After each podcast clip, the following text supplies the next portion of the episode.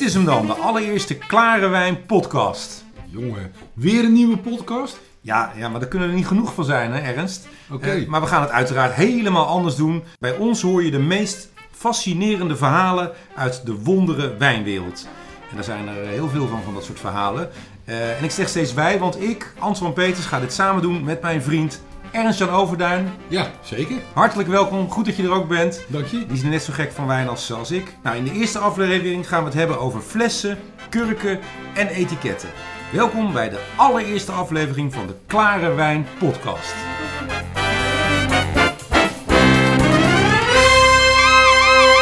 Dit is de Klare Wijn podcast met Ernst-Jan Overduin en Antoine Peters. Nou Ernst, daar zitten we dan. Een historisch eh, moment. De allereerste Klare Wijn podcast. Ja, Ja, bijzonder toch? zeker. Ja. Zeker. Maar voordat Zin we eh, echt ge- gelijk gaan beginnen, misschien is het aardig dat we ons eerst eens even voorstellen. Want dat Ja. hoort hè, als je nieuw bent. Dus eh, nou, ga je gang. Ja, nou, mijn naam is eh Ernst-Jan Overduin.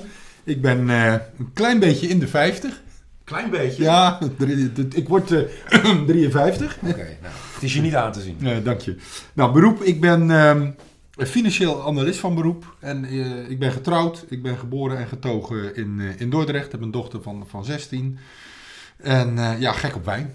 En hoe komt dat? dat? Dat heeft te maken met het verleden. Ik heb altijd heel vroeger, eh, ben ik al eh, begonnen, 16, 17 jaar ben, ben ik begonnen met wijn drinken. Alleen, ja, ik wist er eigenlijk niks van. En het, ik moet eerlijk zeggen, ik vond het ook best. Alleen op een gegeven moment eh, werd ik meegetrokken naar een wijnclubje van een goede vriend van mij.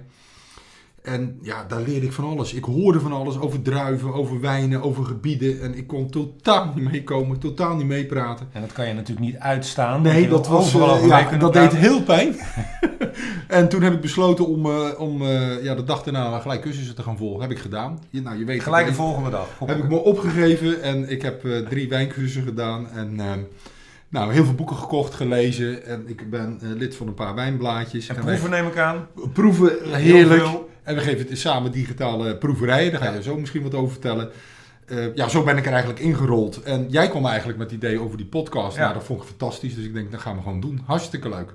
Ja, we hebben ons een beetje vergist hoeveel werk dat eigenlijk toch wel is, zo'n zo'n Ja, podcast. zeker. Ja, We hebben wat proeven gedaan en eh, ja, veel brainstorm sessies gehad. Maar nu is het eindelijk zover, de eerste eh, Klare Wijn podcast. Nou, mijn naam is eh Antoine Peters.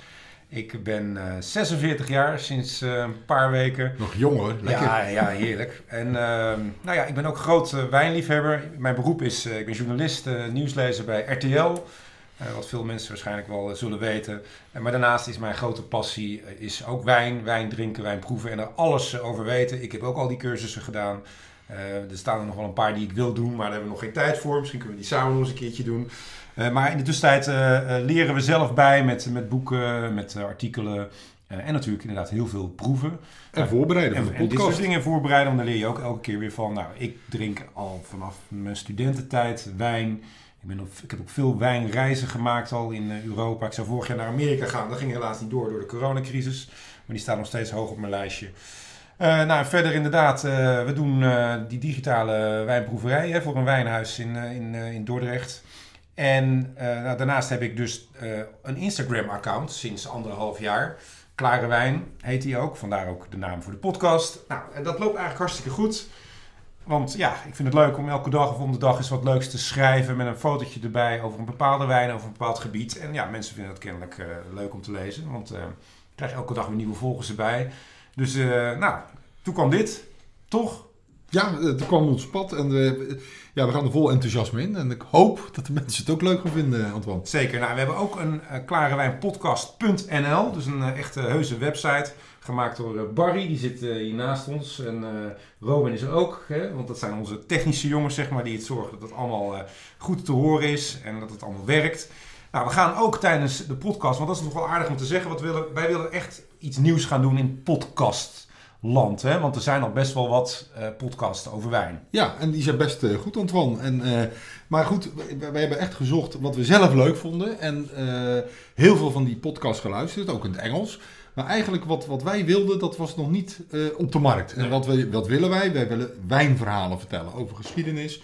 En zo in de loop uh, der jaren naar het heden toe met hele leuke wijnverhalen. Anekdotes. Anekdotes, ja. Eigenlijk is onze slogan fascinerende verhalen uit de wondere wijnwereld. Ja. Toch? Ja, zeker, dat is het. Want dat ja. gaan we doen. Maar we gaan ook wel wijn proeven, natuurlijk. We zullen er niet uh, een uur lang bij stilstaan. Dus geen technische analyses van, van de wijn. Uh, maar wel aardig om toch een aantal wijnen te drinken. Die dan met het thema van de podcast te maken hebben. En die wijnen die worden beschikbaar gesteld door Boonstoppelwijnen in Dordrecht. Nou, de wijnen die we gaan drinken vind je ook op de site. En Jerry van Boonstoppel heeft ook een pakket samengesteld van die wijnen die we gaan proeven. Dus ja, je kan zeggen van nou, ik luister eerst de podcast af en als ik geïnteresseerd ben in die wijnen, dan ga ik ze daarna voor mezelf nog eens bestellen. Je kan nu ook op stop drukken, eerst die wijnen gaan halen en gezellig met ons meeproeven. Uh, we zullen ook af en toe eens wijnen uit eigen collectie meenemen, maar dat doen we deze aflevering in ieder geval nog niet. Nou, deze vier wijnen in deze podcast kosten bij elkaar 66,25 euro. En via een link op onze site of in de beschrijving te bestellen bij Boonstoppel. Nou, dan is het volgens mij nu tijd voor de eerste aflevering. En die aflevering heet Flessen, kurken en etiketten. Ernst.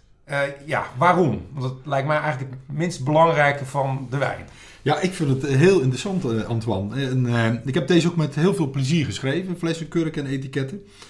Als we bijvoorbeeld over etiketten, ja, dat is, dat is ook een, een marketinginstrument. Consumenten willen verleid worden, die willen een, een leuke keuze kunnen maken. En ik, ik hoorde laatst weer op de radio, en het is echt zo, als je een leuk diertje op het etiket zet, verkoopt beter dan als je een, een zwart etiket met een doodskop erop zet. Dat is gewoon bewezen. Dus het is marketingtechnisch. Tweede, wat heel belangrijk is, ja, het is, het is een informatieinstrument eigenlijk. Hè? Want wat staat alcoholpercentage op, het land staat erop, uh, de inhoud, nou ja, noem het maar op. Dus het geeft je uh, informatie. Dat, dat zijn de etiketten, maar dan heb je de, etiketten. de fles en ook nog... En de kurken. Ja, ja de kurken, dat is een heel uh, apart verhaal. Dat, ja, dat is eigenlijk de, de afdichters van, van de wijnfles, maar dat was vroeger heel anders. Dus dat gaan we helemaal beschrijven. En waarom kom je nou uit bij kurk en wat zijn de problemen bij kurk, daar gaan we het allemaal over hebben. En flessen, daar, ja, daar zit het gewoon uh, daar zit het in. Die hebben allemaal verschillende vormen. En uh, de, de, kleur, dat is ook uh, bewust voor gekozen. En um, ja, dat leek ons leuk om daar dus wat, wat, wat meer over te gaan vertellen. Zeker. En als we dat dan doen, dan gaan we wel ook ver terug in de tijd. Dat hoort er een beetje bij. Je bent een halve historicus, uh, Ernst-Jan. Dankjewel. en uh, ja, dat is misschien niet altijd even... Ja, het hoort er eigenlijk gewoon bij, toch? Ja. De geschiedenis. Dat, dat moeten we behandelen. Ja, Ook vind... al is het 8000 jaar geleden. Ja, dat vind ik wel. Omdat je dan een opbouw ziet van... Ja, waar, waar zijn we nu en waarom zijn we daar gekomen? Nou de... ja, dan stel ik voor dat we, we gaan beginnen. En volgens mij gaan we dan al inderdaad gelijk 8000 jaar terug in de tijd. Juist. Nou, 8000 jaar geleden, hè, en ik ga het niet heel, uh, elk jaar uh, uh, gebruiken, maar 8000 jaar geleden is de wijnbouw ontstaan in de, in de zogenaamde vruchtbare driehoek. Nou, dat is al, eigenlijk al lang voordat Noach, zeg maar in de Bijbel, die werd van gezegd dat hij als eerste de wijnstokken aanplantte. En daarna in zijn tentje dronken neerviel. Maar dat is niet zo. Het was nog eerder. Dus het zoveelste Bijbelverhaal is hiermee uh, weer ontkracht, Antoine. Ja, maar goed, uh, wat is nou het, uh, het, de vruchtbare driehoek? Dat is het gebied dat ligt ruwweg tussen nou, zeg maar Turkije, Iran en Georgië, Armenië, Azerbeidzjan. Die landen. Dus ja, Georgië claimt altijd dat zij de eerste wijnbouw hadden hè, ter wereld. Ja. Nou, dat, dat, dat claimen ze niet alleen. Daar zijn ook de eerste aardehouden potten gevonden waarin nog wijnrestanten te, te vinden zijn. Dus die zijn inderdaad in Georgië gevonden. Oké, okay, dus dat klopt. Ja, dat klopt. Ja. Um, nou ja, kijk, en of het nou nu uh, Georgië is. Kijk, het, het, het, vroeger was dat natuurlijk geen Georgië. Het was gewoon een heel groot uh, gebied. Waarschijnlijk heette dat Mesopotamië. Um, en daar een onderdeel van is Georgië. En Georgië is later een land uh, geworden. Ja. Dus of het nou exact Georgië is. Maar ze claimen dat wel, ja. Wat ik al zei, de, de wijn werd destijds opgeslagen in aardewerken potten. Er zat soms wel 6000 liter in. Die werden afgedekt met een uh, aardewerken deksel. Afgesloten met bijenwas en begraven in het grond. Net zolang totdat de wijn rijp was. Nou, nog steeds wordt geregeld op deze traditionele wijn, uh, wijze wijn gerijpt in Georgië. En dat is wel leuk. Het uh, woord wijn, dat komt uit, Geor uit Georgië. Dat is Givino. En dat komen onze namen van vin en vino ja, en, vini, nee, ja. enzovoort. Ja, nou, we slaan een stukje over um, in, de, in de tijd en de, dan gaan we naar de Egyptenaren. En zij waren de eerste die eigenlijk amforenkruiken gingen gebruiken. En da- daar gingen ze wijn op slaan, ook andere dingen, maar met name wijn. En die pot kon ook in de grond begraven worden, eh, wat ook gebeurde. Maar het was eigenlijk veel beter om te vervoeren. Hè, dan kon niet met die grote potten uit, eh, ehm, zeg maar uit Georgië, 6000 liter. Maar eh, amforen kon je goed Die vervoeren. waren een stuk kleiner. Waren een stuk kleiner, die waren ook eh, sterker. En er zaten oren aan, aan de zijkanten. Hè, dus dat je ze makkelijk op kon tillen en, eh, en, en kon transporteren.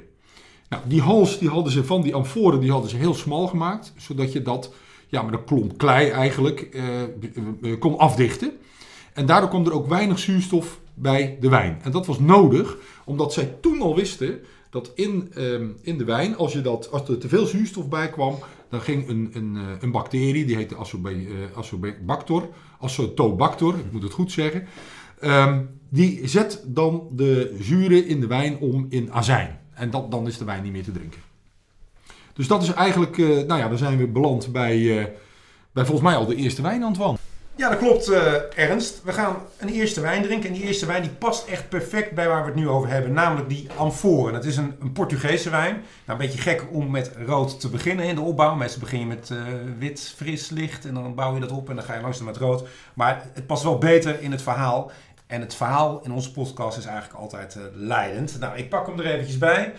Eh, dit is hem. Kan jij misschien open, openmaken? Ja, zeker. Kan ik, Ga doen. kan ik Ja, er wat hoor. over eh, vertellen? Nou, dit is de São Miguel Amfora, zo heet hij ook. En die is van wijnmaker Alexandre eh Relvas van Herdade de São Miguel. En het is een eh, wijndomein in, wij zijn altijd Alentejo, maar het is Alentejo, hè? Alentejo, Alentejo.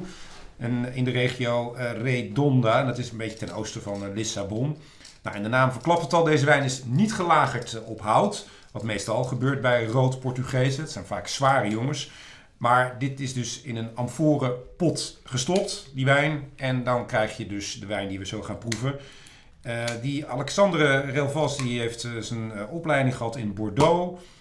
Maakt van inheemse Portugese druiven ja, mooie, zuivere wijnen. En met moderne technieken. Ja, en met, met fraaie staat hier dan fraaie fruitexpressie. Nou, dat gaan we natuurlijk zelf zo eventjes proberen. Nou, het is, het, is dus, eh, eh, het is dus een Romeins gebruik ook geweest. Hè? Je vertelde het net al ook, maar dus ook de, eh, wat zei je nou? De Egyptenaren worden, ja. Die hebben ook amfora eh, potten gebruikt. Nou, en die stenen kruiken vervangen de eikenhouten fusten en de roestvrij tanks. En ja, dat, dat levert dus een, een, een bijzonder ander glas op. We gaan hem dus even proberen. Het is de eerste wijn van de allereerste Klare Wijn podcast. Nou, ook weer heel bijzonder natuurlijk. Hij kost 14,40 euro. Ja, wat je hier dus... Ik ruik kersen in ieder geval. Ja, kersen, bramen, Ja. besjes. En inderdaad geen, geen vanille of houttonen, want dat, dat zit er ook niet in.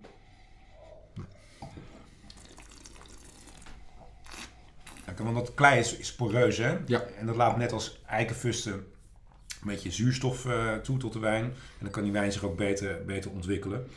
Nou, het is sma smaakneutraal. Dat klopt wel.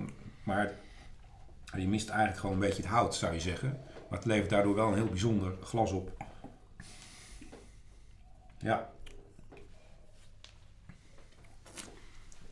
De São Miguel Amfora Tinto. Echt een, eh, een bijzonder glas. Kan niet anders Zeker, zeggen. zeker. Ja. Romig ook. Aromatisch, ja. Nou, mooie start. Terug naar het verhaal. ja, ik zet hem even opzij, eh Ja. Antoine. Doe dat. Even een slokje eh, nemen. Nou, het, eh, we gaan terug naar het verhaal inderdaad. De, eh, het nadeel, want we hebben het over de hele tijd over die amforen, maar het nadeel van die amforen was dat het niet makkelijk te stapelen was. En dat het inschenken was een probleem, want er zat zo'n 30, 40 liter in. En ja, het liep taps toe, dus dat was heel lastig. Farao's hadden daar geen problemen mee, want ja, die hadden slaven. Die, of je dat nou, hoe je dat voor elkaar kreeg, dat maakte dus allemaal niet zoveel uit. Als je, je, je til het maar. Ja. En als je maar niet moest, want dan was je natuurlijk gelijk tot de dood veroordeeld. Zo was het ook weer. Eh, maar de wijn was destijds een, een drank voor de elite. En bier was voor het gewone volk. Eh, zo, was er, zo zijn er in het graf van Tutankhamon, en dat vind ik wel leuk, de, de, de, de bekende kind-farao. Die leefde in de periode 1350 voor Christus overigens. Wij zijn 36 kruiken teruggevonden, waarop toen al de stijl, het jaar, het productiegebied en de naam van de wijnmaker terug te vinden waren. In, in, in die aardepotten, zeg In maar. die aarde amforen potten. Werd Die, erin gegraveerd. Ja. zo. Ja. Bijzonder. heel bijzonder. Ja. Zijn er afbeeldingen van? Ja, dat zal wel. Ja, ja, ja want die hebben ze gevonden Ja. in, in dat graf. Ja, ik heb ze niet bij de hand. Nee, nou, eh, maar daar gaan we, gaan we gaan we eens opzoeken. opzoeken. Ja, dat is een leuk idee. Hey, maar tot nu toe hebben we het dan vooral over kruiken, amforen. Maar wij drinken wijn tegenwoordig uit glas. Wanneer komt nou glas in beeld? Nou, daar, daar gaan we echt een, eh, een, een, een sprong maken. En dat is ook wel leuk. Want anders, bewust, hè? anders blijven we maar eh, in 8000. ja, anders blijven we zoveel duizend jaar voor Christus. Nee, we, we, we maken een flinke sprong. En dan komen we al... eh, we slaan de middeleeuwen over, de renaissance over. En we komen in, eh, ergens aan in de 17e eeuw. En dan komen we bij koning Ja- James I van Engeland. En dat was in 1615. En die verbood dat er langer hele wouden, wouden werden omgehakt om brons- eh, brandstof te, eh, te maken. Of eigenlijk vol brandstof. Ja. Om glas te kunnen maken. Het glas werd gemaakt met, eh, met zand natuurlijk. En daar was heel veel hitte voor nodig. En dan, daar, dat deden ze met hout. Ja, dat, eh, dat vuur dat moest opgewarmd worden, want anders, ja, anders kon het niet smelten, Nee. en dan kon je het niet vormen enzovoort. En daar, eh, dat deden ze van eh, Engels eikenhout, maar daar ging een tekort in ontstaan. En dat had te maken met het feit dat Engeland heel veel oorlog voerde, met name met Frankrijk, dus er moesten elke keer oorlogsschepen worden gemaakt. Nou, die werden ook van dat Engelse eiken gemaakt. Ehm, dus er moest een, eh, een keuze worden gemaakt. Nou ja, het oorlog voeren was blijkbaar belangrijker dan wij maken. Dus dat werd verboden. Ehm, maar het voordeel was dat destijds dat, eh, dat het verboden werd om die Engelse eik eh, om te hakken, kwam er een alternatieve brandstof op de markt. En het was steenkolen. En die kolen die bereiken bij brandstof een veel hogere temperatuur dan hout. Dan kan je beter glas maken. Ja, dan krijg je veel steviger, robuuster eh, glas die ja, veel minder snel breekt. En dat was dan ook de, de glasmaker eh, Sir Kenelm Digby. Digby. Ja, die was als eerste die eh, nieuwe glazen flessen ging maken en introduceren op de markt. Nou, de kleur was heel donker. Dat dus was tegen, eigenlijk tegen het zwarte aan. En dat verschilde nogal van het blekere en breekbare glas uit, eh, uit Venetië. Hè, de Venetiaanse glas was wel bekend. Ja. Het was donker, maar dat kwam gewoon door de, door de verhitting. Maar later ontdekte men dat het ook eigenlijk een bijkomend voordeel had. Want het beschermde de wijn tegen UV-straling van de zon. Daarom hebben tegenwoordig de, de wijnflessen die hier voor ons staan, die hebben een, een bruine kleur of een groene kleur. groen Of, eh, ja. We hebben ze zelfs mat wit. Ja. Dat is een ander verhaal. Ja, daar kom ik zo op. Ja. Maar die, maar die, eh, die bruine en eh, groene flessen, dat is bewust om de, de UV-stralen eh, buiten het, eh, de fles te houden en niet in, in eh, de- wijn te krijgen. Want als je het in de wijn krijgt, gaat het veel te snel rijpen en dan, nou ja, dan, dan kan je de wijn weggooien, want dat, dat, dat bederft. Ja, die, die flessen zagen er ook heel anders uit dan tegenwoordig. Hè. De, buik van de fles was ja, ui-vormig. De fles had een hele lange hals. Dan kon je hem lekker stevig eh, vastpakken. Hè. Dat zie je ook nog wel eens op foto's. En een, en een diepe inkeping aan de onderkant om die fles meer stabiliteit te geven. Waardoor die eh, ja, rechtop kon staan. Als je hem bol houdt, dan valt hij uiteraard eh, om. Nou, de onderkant van die fles kon namelijk niet zo heel goed worden afgevlakt. Hè. Dat, dat moest, dat moest Ja, klopt. Een, een gat onderin, nou niet een gat, maar een, Ja, ze konden hem niet helemaal vlak maken. Nee. Daar hadden ze nog geen technieken voor. Dus de onderkant bleef dus gewoon bol. Nou ja, als je een bol voorwerp eh, op, rechtop zet, dan valt hij om. Tegenwoordig noemen we deze inkeping eh, de ziel van de fles. Nou, in de loop der jaren zijn er andere redenen verzonnen hè, waarom die fles een ziel eh, moet hebben. Zo zou de inkeping worden aangebracht om de droesem in de, in de wijn op, op de bodem te houden. Ja, of dienen het eh, voor het gemak van de butler. Hè, De butler van vroeger met zijn mooie pakje aan, zodat hij meer grip had bij het inschenken van de wijn. En, en, en de gasten van, van de landheer dan. Ja, daar, daar heb ik nog, heb ik nog een, een anekdote over. Butler, dat is afgeleid van het woord bottler. En dat was zo, de bediende van, van zo'n landheer, hè, die moest dan eh, de gasten allemaal bedienen, maar die moest elke keer wijn inschenken. Maar de, dat, de wijn stond in een groot vat in de kelders. Dus hij moest elke keer naar beneden lopen en in het eh, eikenhouten vat waar de wijn in zat, met een karaf de wijn eh, gaan vullen. Ja. Dus hij bottelde eigenlijk de wijn. Dus hij was bottler en later is dat butler geworden. Daar komt het vandaan. Daar komt het vandaan, ja. Nou, ehm, doordat de, de hals eh, van de fles smal was, kon deze goed worden afgesloten. Hierdoor, hiervoor gebruikte men eerst een glazen stopper, die middels een kettingje aan de hals vastzat. Later herontdekte men de waarde van de kurk als stopper van de wijnfles. Kurk is namelijk licht, elastisch en flexibel. En ehm, de fles ontwikkelde zich van, dus vanuit een ui-vorm naar een smallere, hogere fles met een cilindervorm. Dat is de fles die we tegenwoordig eh, goed kennen. Deze fles kan veel efficiënter worden opgeslagen en vervoerd. Nou, rond 1750 kwamen er allemaal mallen, dus zeg maar afgietsels op de markt, waardoor dit type fles op grote schaal geproduceerd kon worden. En dat is nog steeds de fles die we eh, tot de dag van vandaag eh, hebben. Zeker, ja. Nou, dan de inhoud. Eh, deze is voor de gewone fles 0,75 liter. Nou, dat is zeg maar de standaard fles. Dat is al vastgesteld in 1866. Ja, er is ook bewust gekozen voor deze inhoudsmaat. Want een, een wijnkrat bestond destijds uit zes flessen. Dat is dan eh, 4,5 liter. En dat komt dan weer overeen met 1 gallon. En dat is ja, het, Britse meetsysteem, een gallon. Ja, toch kwamen er, er- regelmatig ook andere maten voor. Met de inhoud van tussen de 0,7 en 0,8. Maar dat- daar heeft men zich toch niet aan vastgehouden. Het is 0,75 geworden. En dat is eh, sinds 1977 ook de officiële Europese norm. Ook wereldwijd de norm, denk ik eh, inmiddels. Zeker, ja. En ja, het is natuurlijk wel leuk, die 0,75. Maar er zijn zoveel meer maten van flessen. En we hebben ze eventjes opgezocht. Nou, dat begint met de Piccolo 0,1875. Nou, Ja, die worden in bepaalde tenten worden die, eh, graag genuttigd. Ja, de- bij, inderdaad. Is Zeg maar gewoon de, de, de, de, de hoerenzaken. De hoerenketen, ja, daar wordt het gewoon. Ja. daar, daar krijg je een piccolootje, is ons verteld. ja, maar je betaalt voor een macro. Ja, ja, zeker. Eh, dan krijg je de Demi 0,375. Nou, dat is meestal voor eh dessertwijnen. Dan heb je de Jenny 0,5 liter. Dat is ook vaak voor dessertwijnen wordt die gebruikt. Nou, dan inderdaad die 0,75 liter. Dat is de bouteille. Dan gaan we naar de, grootst, de bekendste grote maat van anderhalve liter. De Magnum. Ja. Niet Magnum, Nee, dan vergis je je toch degelijk. want dat is een ijsje. Ja, Nee, het is gewoon Magnum. Dus onthoud dat mensen. Ik zeg het ook heel vaak verkeerd hoor. Maar het is Magnum anderhalf liter. Dan krijg je de Giro Baum. Dus een dubbele Magnum. Eh, Giro Baum, Baum hoe ja? Zoiets. boom, Giro ik Giro Baum altijd. 3 liter. Ehm, dan heb je nog de eh Reho Boom. Dus 4,5 liter. Dan heb je Methuselem. Salmanazar. Ja, Dus 9 liter. Dan gaan we echt naar de hele grote jongens. Nou, de Balthazar, dat is natuurlijk een bekende.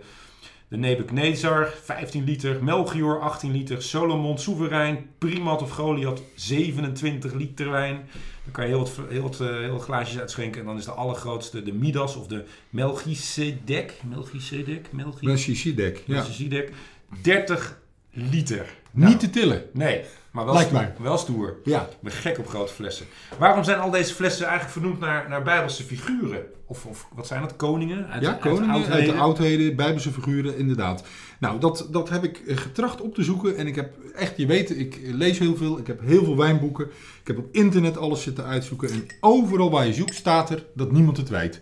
Dus bij deze wil ik een prijsvraag ehm, eh, uitroepen. Ja, Eh, eh, en dan gaan we een magnum gaan we ter beschikking stellen voor degene die ons kan vertellen waarom nou gekozen is voor bijbelse namen en, en koningen uit de oudheid.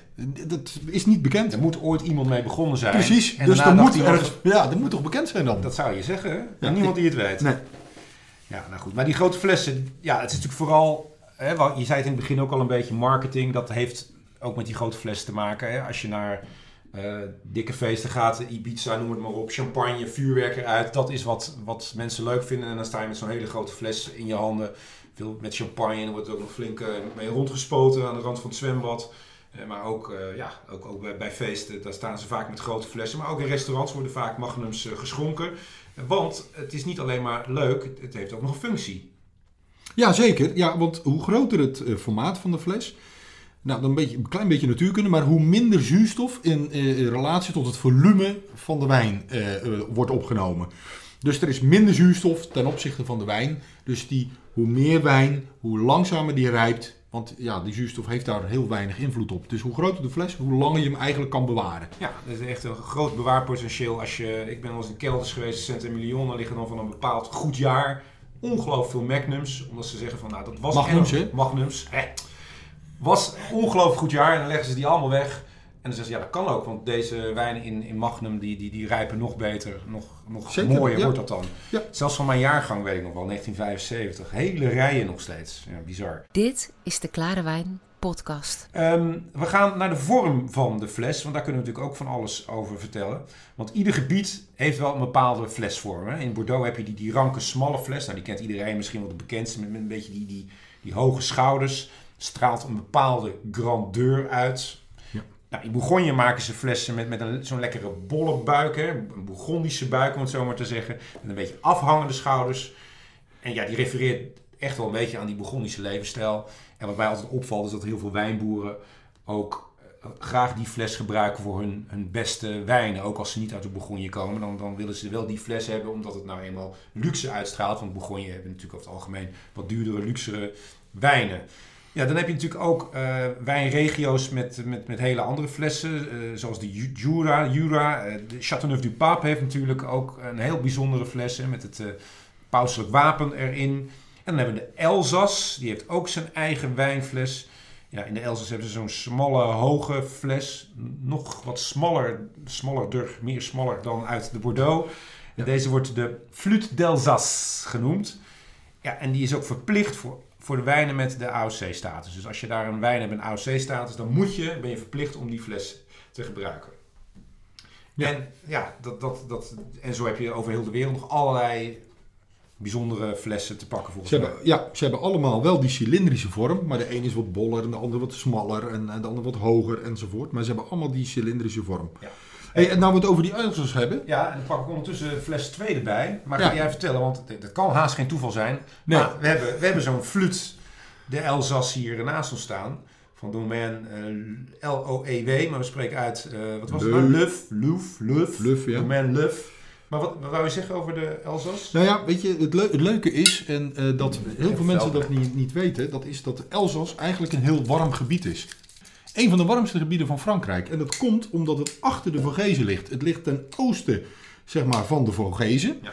En het ligt ten westen van het Zwarte Woud in Duitsland. Lukt het dat wel? Ja, ja, ja, komt wel.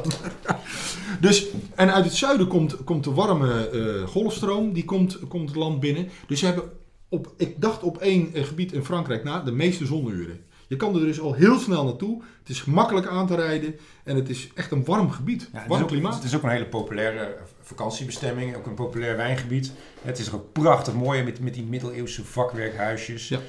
Eh, ja, en het Kom maar. Een heel traditioneel gebied ook. Maar, en dat is, dan gaan we naar de wijn die we gaan drinken. Het is, het is juist ook een streek van jonge, eh, zeer gedreven, succesvolle wijnmakers. Vaak de zonen hè, van, van de oude wijnmakers. En die pakken het op, op een nieuwe manier aan. Zoals Etienne Leuf. Want zo spreek je het kennelijk uit. Ja, van de popgroep vroeger. Ja, zoiets.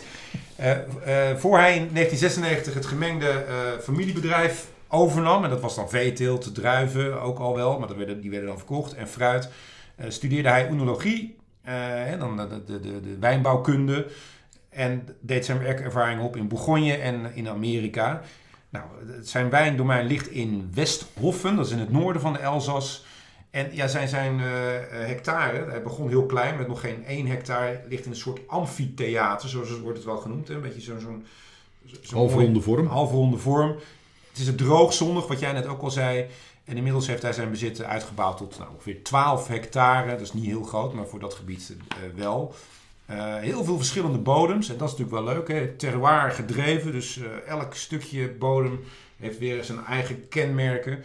Eh, en dat is, eh, ja, dat is natuurlijk wel mooi. Want hij maakt in principe, of hij maakt inmiddels al 25 verschillende wijnen.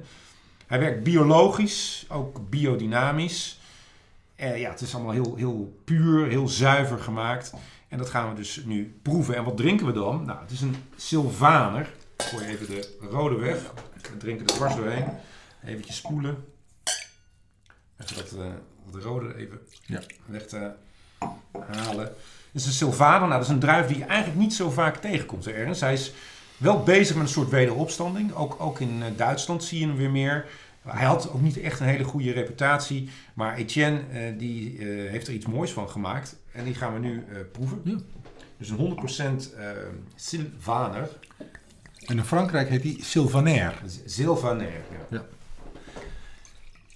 Ook, ook eh, in de Elzas? Want Ja, in, Elzas is het heel lastig. Want ik ga niet een Nee, geschiedenisles nee, vertellen. Maar de, geweest, Het is Duitsland. eh, Duitsland, Frankrijk. Het is, is geloof ik vijf of zes keer van eigendom gewisseld. En ze spreken in de Elzas ook niet echt zuiver Frans, puur Frans. Het is een mengel, mengelmoes van Duits en, eh, en Frans. Ja, dus, Dus daar zeggen ze Sylvaner. Sylvaner en, in eh, Duitsland Sylvaner. Sylvaner, ja. Nou, Sylvaner. proost. Ja, proost. Sylvaner vind ik wel wat... wat Ja, krachtiger. Ja, wat krachtiger klinkt. Ja, de, de bouquet is, is, eh, is floraal. Dat, dat ruik je gelijk. Je ruikt de bloemetjes. Ook wel wat geel fruit. Ja, beetje, zeker. beetje, eh, wat is het? Jongens, pakken jullie ook eh, een lekker glaasje? Een glaasje meedoen, ja. Ja, zeker. Ja. Met je perig heb ik in de neus ook. Dat vind ik ook. Ja, dat proef je inderdaad. Dus rond.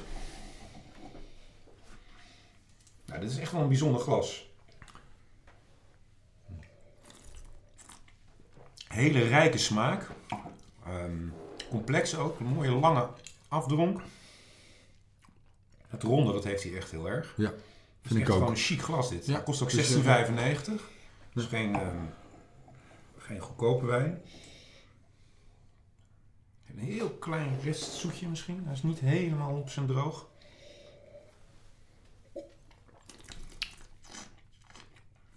Of is dat juist... het goede? Ja, de- nou, er zit wel iets, iets Ja. zoetigs in, maar dat is altijd wel een beetje dat gebied. Hè? Omdat het Ja. zo warm is, zit er meer suikers in die druif. Dus je houdt altijd wel een klein beetje zoetje erin. Ja. Maar dit is bij deze niet storend hoor. Goed, terug naar de vorm van de flessen. Eh, wat, eh, wat weet je daar nog meer over te vertellen? Nou, jij had een aantal eh, gebieden genoemd. Ehm, nou, weet je, ook een mooie heb je in de Marken. Daar heb je van de... Italië. de- Italië. En ja, daar hebben ze de Verdicchio wijn. En daar gebruiken ze nog de amphora fles. Hebben ze de amphora vorm. Ja, dat hebben ze dan een beetje in een flesvorm gegoten. Dus het, het grappig. lijkt een beetje op een eh, amphora. Ja. En die gebruiken ze daar echt veel. Eh er komt ook voor in de Provence. Die gebruiken ze dan voor de rosé. Dus dat is wel een hint voor straks, eh, zeg Ja. maar. En, ehm, en het leuke vind ik altijd zelf, dat is die hele gezellige bolle fles met een rieten mandje eromheen. Oh ja, De Chianti. ja. Ja, die kennen we nog van vroeger, hè? ja, zeker. Ja, van de pizzeria. Ja, dus een, eh, eh, nou ja, pizzeria's die, die, die bestaan volgens mij al eeuwen in, eh, in Italië. Zeker. Daar moest bij wijn bij gedronken worden. En de wijn die daar altijd bij gedronken wordt, was eigenlijk de goedkope Chianti. En dat deden ze eeuwenlang. Ehm, en wij kennen hem nog van, van vakantie. Dat weet je toch nog wel. Ja, die, die- als ze dan leeg waren, dan werden ze opgehangen aan het plafond. Hè? Ja, Of, eh, ja, nog een heel rijtje van, eh, van flessen met dat, met dat gezellige ja, broekje, dat rieten mandje En eromheen. die nam je dan mee naar Nederland. En dan had je eigenlijk ook wel weer een beetje spijt. Want in, in Italië was hij lekkerder dan in Nederland. Ja, ja, dat is, eh, Het was, dat ook niet zo het was in die tijd ook helemaal niet zo'n hele goede wijn. Nee, het was heel, eigenlijk ja, gewoon eh, tafelwijn. Het was wel, wel te drinken, daar ging het niet om. Maar dat was misschien best wel aardig bij de pizza. Maar het is absoluut niet, kan het in de schaduw staan van de Chianti's die, eh, die wij eh, in de volgende podcasten nog wel een keer gaan drinken. Zeker. Maar die zijn echt die zijn top. Die horen bij de, tot de beste van de wereld. Maar, maar deze met zo'n bolle fles. Worden die nog wel gemaakt, of niet? Volgens mij niet. Volgens Nee? mij niet. Nee, ik heb ze al een hele tijd niet gezien. Het, het, het stapelt ook niet. En, en je kan het ook niet in een, eh, in een flessenrek Nou, ik wegleggen. durf te betwijfelen. Ik denk dat er vast nog wel ergens in Italië, dat, dat je ze nog wel ergens kan vinden. Maar dat, Ja, nou, dat is een uitdaging. Dus die Gaan die worden. Hey, waar ik het nog even over wil hebben is de, is de boksbeutel. Want dat is misschien wel de meest kenmerkende fles hè, als het gaat om vormen. Nou, die komt uit de Frank in Duitsland. Ja, Duitsland. Daar ben ik vorig jaar zomer eh, geweest. Eh, de oorsprong van eh, die boksbeutel is niet helemaal duidelijk. Eh, maar de meest tot de, verbeel- meest tot de verbeelding sprekende vergelijking is toch wel dat die zou lijken op de balzak van een geit. Ja, blijkbaar is die plat. Ik weet het niet. Ik heb nog nooit. Dat heb ik niet de opgezocht. balzak van een geit gekeken, maar dat, dat is het verhaal. Wat je ook wel eens hoort is dat die, hè, die is heel plat, hè, die, die fles. Aan de zijkanten, ja. ja, dus die kan je makkelijk op een heuvel leggen en dan rolt hij niet verder naar beneden. En dat zou dan handig zijn voor de wijnboeren die dan tussen de middag even voorbij moesten komen met een glaasje wijn. En dan eh, legden ze die fles gewoon in de heuvel en dan rolde die niet naar beneden. Beetje de, de veldfles eigenlijk. Ja, ja Zo, zeker. moet, zo moet je hem een beetje, een beetje zien. Hij mag alleen maar in, eh, in eh, Franken worden gebruikt. Het is ook echt een beschermde vorm. Eh, behalve komt hij ook nog voor in Portugal. De Matthäus Rosé, gaan we het zo meteen ook nog even over hebben. Die heeft ongeveer dezelfde vorm. Eh, er is oftewel wel veel discussie nu over die boksbeutel. Want, en dat heb ik ook gemerkt toen ik er was, eh, commercieel vinden heel veel wijnimporteurs die, die vorm niet meer zo interessant. Hè. Ze willen liever de gewone fles, omdat dat kent men nou eenmaal beter. Eh, Heel veel mensen vinden het maar een beetje een raar model. En hij is ook eigenlijk heel lastig te vervoeren, die boksbeutel. En ook geen onbelangrijk detail is, je kan hem niet in je wijnrek stoppen. Nou, dat is ook nogal lastig. Je hebt trouwens in eh, de Franken wel, eh, wel wijnrekken waar je... Ja, dan moet je speciaal weer aanschaffen Ja, dan moet je weer een speciaal boksbeutel wijnrek kopen.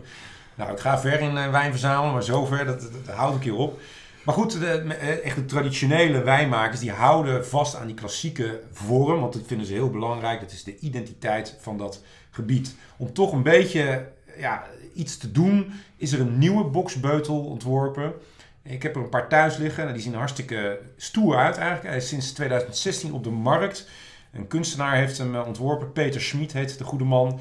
En ja, de meningen zijn natuurlijk er weer over verdeeld. Want ja, die mensen die heel traditioneel zijn, zeggen nee, we houden echt vast aan die vorm. Maar juist mensen die wat moderner willen, die zeggen van nou, dat vind ik een mooi compromis. we gaan niet naar de nieuwe fles, maar we gaan naar de nieuwe boxbeutel. En hij ziet er hetzelfde uit, maar hij is wat hoekiger. Hij is wat dikker op sommige punten, wat een beetje asymmetrisch. Ja, het is wat lastig om in een podcast helemaal te beschrijven. Ik zal er een fotootje van maken. Dan zetten we hem eh, in de, in show notes, in de beschrijving of op de site. Ja. Uh, maar dat is, uh, ja, dat, dat is toch wel een, een, mooi iets. Een, een, nieuw model boxbeutel sinds een jaar of vijf op de markt. En dan is er nog een nieuwe wijnfles, Ernst vers van de pers. Want ik, ik, las het voordat we hier naartoe kwamen om de podcast op te nemen. Die we trouwens opnemen, hebben we nog helemaal niet verteld. In de wijnkamer. dat, ik, ik, zit bij een proefclub en dat is op een industrieterrein boven een loods. Nou, dat klinkt allemaal niet zo romantisch. Maar daar hebben we een kantoor omgebouwd in een, nou, een hele mooie proefkamer. Ja, ja en dit is natuurlijk wel geweldig. Hè? Dat het staat helemaal vol met, uh, met flessen. Uh, mooie posters van, van, van wijngaarden. Dus de ideale omgeving om een, uh, om een podcast op te nemen. Een grote tafel waarin we deze tijd nog mooi afstand kunnen houden. We hebben al een jaar niet meer geproefd. Maar goed, het is wel leuk om hier weer te zijn. Maar dat terzijde, uh, want voordat we hier naartoe kwamen, las ik nog een aardig verhaaltje over een fles van papier. Ja, dus, ja ik, dat is nieuw. Ja. Het is de meest duurzame fles ter wereld. Uh, hij is natuurlijk omdat hij veel lichter is om te vervoeren, komt ook minder CO2 vrij bij de productie en, en, het, en het transport dus. 94% uit gerecycled karton bestaat hij. En je gooit hem na gebruik gewoon weg bij het uh, oud papier. Nou, ze hebben er een uh, Italiaanse rode wijn in gestopt. Uh, Sangiovese en nog een paar andere druiven volgens mij. En hij wordt verkocht bij de biologische supermarkten van de Markt met een, met een Q. Nou, die hebben wij niet hier, maar in Rotterdam zitten er een paar, in Amsterdam veel, in de grote steden. Daar moet hij als goed is te verkrijgen zijn. Dus, een, dus dat is helemaal nieuw. Een, een nieuwe fles, maar dan van papier. Dus een, een, een nieuwe papierfles. Nou, we, ja, we kunnen nog wel uren doorpraten over een wijnfles. Zeker. Uh, maar dan doen we de andere twee onderwerpen tekort. Want we gaan het nog over twee andere dingen hebben. Namelijk de stopper van de wijnfles, kurk. Ja, en dan gaan we weer toch een stukje de geschiedenis in, uh, Antoine. Want we hebben gezegd dat we bij de Egyptenaren, die gebruikten al uh, amforen. Mm -hmm. En um, die lieten, in het begin lieten ze de wijnpotten open, zodat de wijn, of totdat eigenlijk de wijn volledig was vergist. Ze hadden namelijk door schade schande geleerd dat als je de, de amforen, als je die te vroeg af zou sluiten, dan werd de koolzuurdruk in de potten zo hoog dat ze explodeerden. En dan moet ik even een klein stukje ertussen vertellen. Uh, fermenteren, dus op, hoe wordt wijn, ontstaat nou eigenlijk wijn? Want dat is een heel natuurlijk proces. Dat is op het moment als je de druiven, de wijndruiven gaat pletten, dan komen op de schilletjes zitten bacteriën, of de schimmels, sorry. Die komen in contact met de suiker in de druif en die schimmels zetten de suikers om in alcohol. Dat is het hele proces. Maar bij dat uh, nou ja, natuurlijke chemische proces uh, komen gassen vrij. Koolzuurgas komt daar vrij. En als je dat dan afsluit, hermetisch? Ja, kan het niet weg. Dus dan, dan, dan wordt er zoveel druk opgebouwd in die, nou ja, in die potten in dit geval, dat die potten gaan klappen. Dus je krijgt echt complete wijnbommen. Ja, dat, ja zo kan je het formuleren. Daarom zijn die uh, champagneglazen of, of wijn, museerende wijn, die zijn altijd veel dikker. Ja. Ze zijn ook veel zwaarder, maar ze zijn veel dikker, omdat die druk in de fles heel erg groot is. Die wil naar buiten toe. Maar goed, we dwalen af. Uh, dat zullen we wel vaker doen. Ja. Um, nou ja, vandaar dat ze de wijn eerst helemaal lieten vergisten. En dan, daarna gingen ze de nek van de pot helemaal vol proppen met organisch materiaal. Grassen, bladeren, takjes en dat soort dingetjes. Echt waar? Dus dat werd er allemaal in ge... Ja, dat werd, werd wel droog gemaakt, dus dat niet in de wijn nee. terecht kwam. Maar dat, daar werd een rand uh, van gemaakt. En daar uh, ja, de, de, de, ja, stopten ze eigenlijk een stuk gedroogde klei. Hè, dat was dan hard geworden klei, stopten ze daarin. Um, zodat, maar dat was zo netjes hadden ze het uitgekiend. Want er konden er toch nog een klein beetje zuurstof bij de wijn Precies. komen. En dat, en dat, is nodig, want als er te weinig zuurstof bij de wijn komt, ja, dan, dan, dan krijg je een, een, een eiersmaak eigenlijk eraan. Ja. En een zwavelsmaak. Dus ja, te veel zuurstof, dat zorgt ervoor dat je eh, de zuur in de wijn omgezet wordt in azijn. Hè, daar hebben we het net over gehad, met, waar ik me, eh, me over eh, verstruikelde. Zeg, dat was de acetobacter, nou zeg Ja. dat in één keer goed. Die zet dat om in een azijn, dan is de wijn niet meer te drinken. Maar te weinig zuurstof, dat heet reductie, zorgt ervoor dat je een, ja, een eiersmaak, een zwavelsmaak in, eh, in de wijn krijgt. Dus Een klein beetje is niet erg, want als je hem dan de deksel eraf haalt, je laat hem een half uurtje staan en is het weg. Maar als dat te veel in de wijn, eh, of, of als hij te lang dicht is gehouden, ja, dan is de wijn gewoon kapot, zoals ze dat noemen. En dan kan je hem wegdoen. Ja, maar de, de- dat, dat was dus nog met, met, met dat gras en dat modder en eh, daar maakten ze iets van. Maar we, Ja, zo is het begonnen. Maar we gaan het over kurk hebben. Ja, ja, we gaan, nu we gaan door. de Romeinen, die waren, eh, dat waren de eerste die kurk gingen gebruiken als afsluiter eh, van amforen. Eh, dat deden ze weliswaar naast cement en, eh, en gedroogde klei, maar ze gebruikten wel degelijk eh, kurken. Want kurk, dat is, dat, ehm, Is elastisch en laten we... ja, dat, maar dat, en, en dan kan je het eh, heel lang bewaren. Het is elastisch. Het bestaat namelijk uit eh, miljoenen gesloten celletjes die, waar de lucht in zit. Dus dan kan je heel goed samenpersen.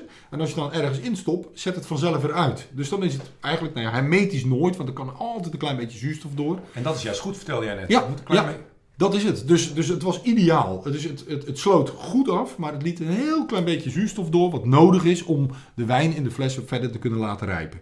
En vanaf dat moment wordt, werd ook kurk gebruikt. Of? Nou, de Romeinen die liepen alles voor. En daarna kwamen we altijd in de donkere middeleeuwen. Toen waren we alles wat de Romeinen gedaan hadden, dat gooiden we overboord. Eh, en in de donkere middeleeuwen, ja, daar verdween eh, van alles, eh, behalve de pest. Dat, die heeft de hele middeleeuwen wel zo doorgespeeld. Maar, ehm, eh, maar, maar de kurk die, die verdween. En dat kwam pas in de 16e eeuw weer terug. En dat was ongeveer dezelfde periode dat onze vriend Canon Bi- Digby... Oh dat ja, was die, een glas. die eh, glasmaker, ja. hè, dus die, die, die glas ging eh, verhitten niet meer op dat Brits eiken of Engels eiken, maar hij daarvoor steenkolen gebruikte. Nou, ongeveer in die tijd kwam dat, kwam dat weer terug. Ehm, maar de, de kurk, zoals wij die nu kennen, die wordt er helemaal ingeslagen. Maar bij een, bij, ja, toen in die tijd was dat niet, lieten ze een stukje eruit steken. En dat was omdat je vroeger geen, op dat moment had je geen kurkentrekker. Die kwam pas in eh, 1882.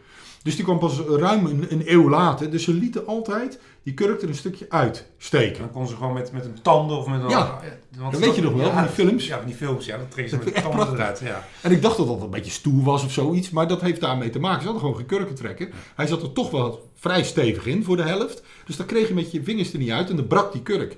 Dus de enige manier was in je mond doen, draaien Draaien. en het kurk eruit trekken. Inderdaad, ja, grappig. Ja, nou, de kurk, waar komt die nou eigenlijk vandaan? Nou, dat, dat, dat is een... ehm, ja, iedereen denkt aan Portugal, dat is ook zo. Maar eerst was het nog Spanje, vanaf 1632. En dan met name in Catalonië. Dat was toen nog de grootste leverancier van kurk. Maar die positie is langzaam overgenomen door, door eh, buurland Portugal. Nou, de meeste kurk komt tegenwoordig eh, van een eh, hele grote onderneming. Weer in dat Alentejo, hè, waar we het net al noemden. Ik zeg het in één keer goed nu. Ja. Amorim heet dat, met een M op het einde. Eh, en dat, ja, Alentejo li- is zich net boven Al Algarve ongeveer. Nou, kurk wordt gemaakt van de schors van de kurkeik. Nou, die kurkeik moet, moet minimaal 25 jaar oud zijn. En wil de schorslaag eh, goed zijn, dan, dan kan je hem ervan afhalen. Daarna moet hij nog eh 9 jaar worden gewoon echt heel arbeidsintensief. Hè, als je het allemaal zo... eh, eh, Nou ja, kijk, die, die 25 jaar, dat, hij moet eerst 25 jaar oud zijn inderdaad. Ja. En dan gaat die schors weer aangroeien. En dan mag die pas na 9 jaar weer een keer eh, ontschorst worden. En dan moet je weer, weer 9 jaar wachten, enzovoort. oh, op zo'n manier. Dus hij moet eerst 25 jaar oud zijn. Dan, Dan kan- gaan- dan mag je hem pas voor de eerste keer ontschorsen. En dan kan je hem om de 9 jaar... Om de 9 jaar. En er wordt echt bijgehouden, met, eh, wordt op de boom aangetekend en noem het maar op. Ja. Nou, eh, nou, dan haal je dat, dat, haal je dat er dus af. Eh, wordt die van schors ontdaan. De schors wordt eh geplet hè, tot rechte platen, schoongemaakt, gedroogd, noem maar op, gekookt. En vervolgens wordt de kurk met een, met een holle boor uit de kurkplaten gestanst. En dan heb je een kurk. Ja. Nou, tegenwoordig maken de, de Portugezen echt kwalitatief goede kurken. En ook heel veel. We hebben het even opgezocht. 34% van het totale aantal kurkbossen ter wereld, een derde dus, ligt in Portugal. Het is ook echt een grote industrie. Je hebt alleen al in Portugal, en dan dus vooral weer in Alentejo, 670 kurkbedrijven. En die maken v- Ja, 40, echt, echt niet normaal. 40 miljoen kurken per dag. Ja. En die gaan naar zo'n 100 landen eh, de hele wereld over dus. Maar dat was vroeger wel anders. Hè, En, en eh, je, had, je hebt een koep, en daar gaan we niet te veel over hebben. Maar in 1974 was er een koep. En de, Communisten kwamen aan de macht, toch? ja, de communisten. In, in eerste instantie was het een klein eh, groepje legerofficiers. Die, die de macht grepen van Salazar. Hè, dus dat, Ja. was, dat was daar de, de, zeg maar de dictator. Maar goed, die werden beïnvloed door de Russen. En eh, uiteindelijk zijn het communisten geworden. Maar ehm, de kurkindustrie raakte daardoor helemaal in verval. De fabrieken die werden onteindigd, eh, onteigend. En de communistische kameraden die de macht overnamen van de CEO's maakten van de bedrijfsvoering echt een puinhoop. Eh, de kwaliteit van de kurken holde achteruit. Ja. Maar aangezien Portugal zo'n beetje het wereldwijde monopolie van de kurkenproductie in handen had, Je hebt verteld. Legden ze de kritiek in eerste instantie volledig naast zich neer. Wat kan mij het schelen? Hè? Je moet toch wel bij mij afnemen. Dat was eigenlijk een beetje de idee. Foute gedachte. Ja. Nou, Australische wijnmakers die waren ervan overtuigd dat zij, zij en, en Nieuw-Zeeland samen, dat zij de slechtste kurken kregen toegezonden. En dat de beste werden verkocht aan eh, Europese landen. Nou, daar was totaal geen besluitend bewijs voor, want dat is uiteraard allemaal onderzoek, eh, al onderzocht. Maar het feit was wel dat eh, van de geleverde kurken 7% van in de gevallen de wijn fouten vertoonde. En dat was meer dan wat in Europa gebeurde. Nou, de wijn, eh, en, en wat, wat rook je dan? De wijn die, die, die rookt naar karton, naar natte krant, met verkelder. Sommigen zeggen wel, is ook een natte hond, Ja. of weet ik het wat. Ehm, nou ja, in ieder geval, die wijn was niet te drinken. En de Aussies gingen dus op zoek naar alternatieve afsluiters. Want ze dachten, weg met die kurk. Maar wat, wat was nou de oorzaak van, van kurkfouten? Was dat nou uitsluitend te wijten aan, aan zeg maar, die inferieure kwaliteit van, van de geleverde kurken? Nou, waarschijnlijk niet, want de, ehm, dezelfde wijnfout deed zich ook voor in Europa. In Zwitserland, Italië, Spanje, Frankrijk, eh, noem het op. Daar kwam ook die wijnfout eh, elke keer naar voren. En daar werd van gezegd dat, dat ze superieure eh, kurken kregen geleverd. Dus dat verhaal klopte niet. Dus dat probleem moest dus een andere oorzaak hebben. Niet alleen maar dat die Australiërs of die Aussies de, de slechtste kurken kregen. Nou, er zijn twee wetenschappers eh, opgestaan. Dat was eh, Tanner en San- eh, als ik het goed uitspreek. En die begonnen eind jaren 70 begonnen ze een onderzoek naar te doen. En wat ontdekten ze? Nou, het volgende. De wijnen die naar karton smaakten en zorgden voor een onaangename bittere nasmaak, die hadden allemaal een kurk. En die bevatten de chemische stof, nou ik ga het één keer goed uitspreken, 246, dat gaat nog wel, tri- trichloranisole. En we noemen hem eh, vanaf nu maar even TCA, dat is makkelijker. TCA. En dat bevatte die wijn. Ja, en, als een wijn die TCA heeft, dan wat je net zegt, dan gaat hij ruiken naar, naar, eh, naar, naar eh, natte krant, ongewassen hond, Ja. muf, vies. Wijn is gewoon bedorven, je hoeft hem niet meer te drinken. Wel eens meegemaakt? Ja, ik heb het wel eens meegemaakt, ja. Dat ik, eh, dat ik in een restaurant dat ik, eh, dacht van ja, nou dat, dat is niet goed. En dan zit je in een restaurant en dan, dan heb je dat. En ik vind het toch altijd lastig om het aan te kaarten bij een, bij een sommelier of bij een ober. En je zegt van joh, deze wijn is volgens mij niet goed. En dan krijg je soms ook discussie, wat ik helemaal eh, ongemakkelijk vind. Hè? Want dan zegt zo iemand van, laat me ook eens, nee hoor, nee, deze heeft geen kurk. Het is het karakter van de wijn of hij is nog wat gesloten. Nou, ik weer ruiken en dan denk ik, nee, nee, hij heeft gewoon echt kurk. Nou, dan gaat hij toch enigszins beteuterd eh, naar zijn baas, eh, de chef-kok of eh, wie dan ook. En dan, dan kijk ik een beetje of ik het een beetje kan volgen op afstand, die discussie. Nou, en toen ik daar destijds zag, dus alweer een paar jaar geleden, ja, toen zag ik ook echt dat die man ook heel, heel afwijzend gebaar maakte. Zo van, nee, deze wijn is echt kapot. Dus toen kwam hij terug van, meneer, u heeft gelijk. Maar ze proberen dat natuurlijk, sommeliers proberen dat natuurlijk wel te voorkomen. En dan heb ik ook nog een grappig verhaal. Dat, was, nou, dat vond ik wel vrij bizar. Dat was in Spanje, in Malaga. Zuid-Spanje, in de haven. Er zit een, een sterrenrestaurant. En een, een paar jaar geleden met mijn vrouw geweest. Nou, toen stelden we daar ook een flesje wijn. Behoorlijk aan de prijs. Eh, maar goed, dat heb je natuurlijk altijd in een sterrenrestaurant. Ik denk, ach, hè, kan ons het schelen. Ja, het gek. Dus het was een vakantie. het was een witte, witte wijn en nou, ik had hem besteld. Nou, toen kwam de sommelier aan met zo'n karretje aangereden, helemaal chic. En daar stond helemaal vol met glazen. Hij maakt eh, de fles open. Nou, met heel veel theater. Hij gaat er eh, aan die kurk ruiken. Gaat hij nog eens even goed bekijken. Legt hem neer. Pakt vervolgens een glas. En schenkt gewoon, nou, dat glas gewoon voor de helft vol. Gaat er naar kijken. Gaat ruiken, ruiken, ruiken. En neemt een ferme slok. Slikt die Mhm. slok ook gewoon door. Kijkt er nog een keer naar. En eh, hij doet zo instemmend, want hij sprak alleen maar Spaans natuurlijk. Van eh, ja, hij is goed. Nou, ik denk dat is fijn. En vervolgens schenkt hij ons bij en neemt dat, dat halve glas wat er nog is, neemt hij mee terug. Dus de eerste, dus die, die fles die was al nou, niet half leeg, maar er was al, al wat uit. Ik vond het een wat bijzondere methode om, eh, om een wijn te keuren. Maar aan de andere kant, eh, het voorkomt wel dat, dat een klant een wijn krijgt waar kurk in zit. Ja. Maar ik zou toch een iets andere methode eh, hanteren.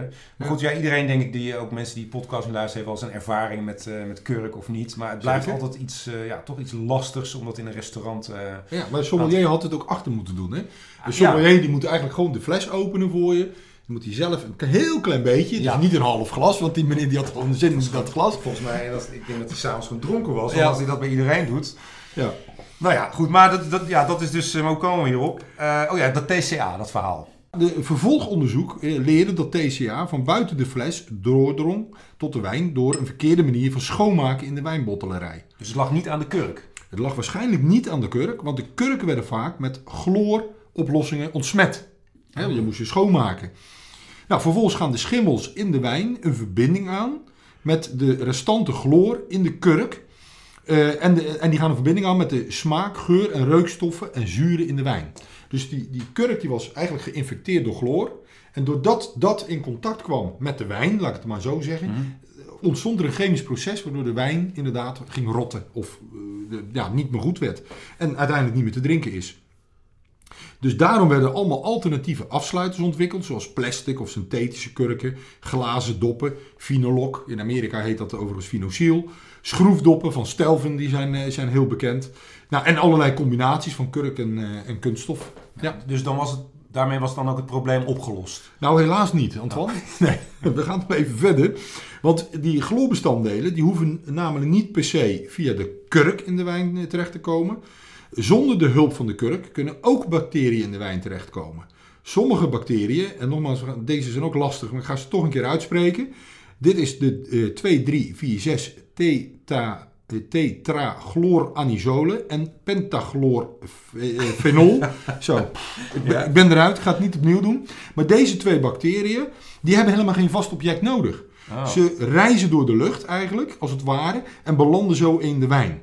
Nou, dat kan op het moment als je bijvoorbeeld pellets of houten eikenvaten of leidingen van bodemmachines, etc., als die schoongemaakt worden met chloor. Nou, via de lucht komen dan die bacteriën toch in de wijn. Ah. Dat is een andere eh, type bacteriën zijn dat dan onze TCA die we, die we al kenden. Dus een fles met een schroepdop, mind you, die kan ook kurk bevatten. Omdat bijvoorbeeld de muren zijn schoongemaakt met chloor. De chloorbestanddelen zijn op die bacteriën door de lucht in de wijn terechtgekomen. Dus eh, wat mensen denken, we hebben, geen, eh, we hebben die kurken, die hebben we niet meer. We hebben schroefdoppen. Dus we hebben nooit meer last van, zoals we het noemen, kurk. Dat Fout, is ja. dus niet waar. Ja, eerst, ik heb daar nog een interessant eh, artikel over gelezen. Dan komen we even terug op die Portugese kurk. Dat stond in de Wine Life, een oude editie van een paar jaar geleden. Die journalisten van het blad gingen op bezoek bij die, die grootste kurkenproducent waar ik het net over had. Hè? Dat, eh, Amorim. Am- Amorim. Of Amorim. Amorim. Daar maken ze dus 5,4 miljard kurken eh, per jaar. 70% wordt ook daadwerkelijk gebruikt voor, voor, voor flessen, maar er worden ook eh, vloeren van gemaakt, muren, isolatiemateriaal voor vliegtuigen, telefoonhoesjes, eh, schoenen, eh, eh, andere gebruiksvoorwerpen. Nou, en, en het viel mij op dat dit bedrijf er echt alles aan doet om die kurkfouten eruit te halen. En ook echt te ontkennen als het, als het niet klopt. Nou, daarvoor hebben ze een, een high-tech laboratorium eh, gemaakt. Waar de hele dag door kurken worden geanalyseerd op TCA.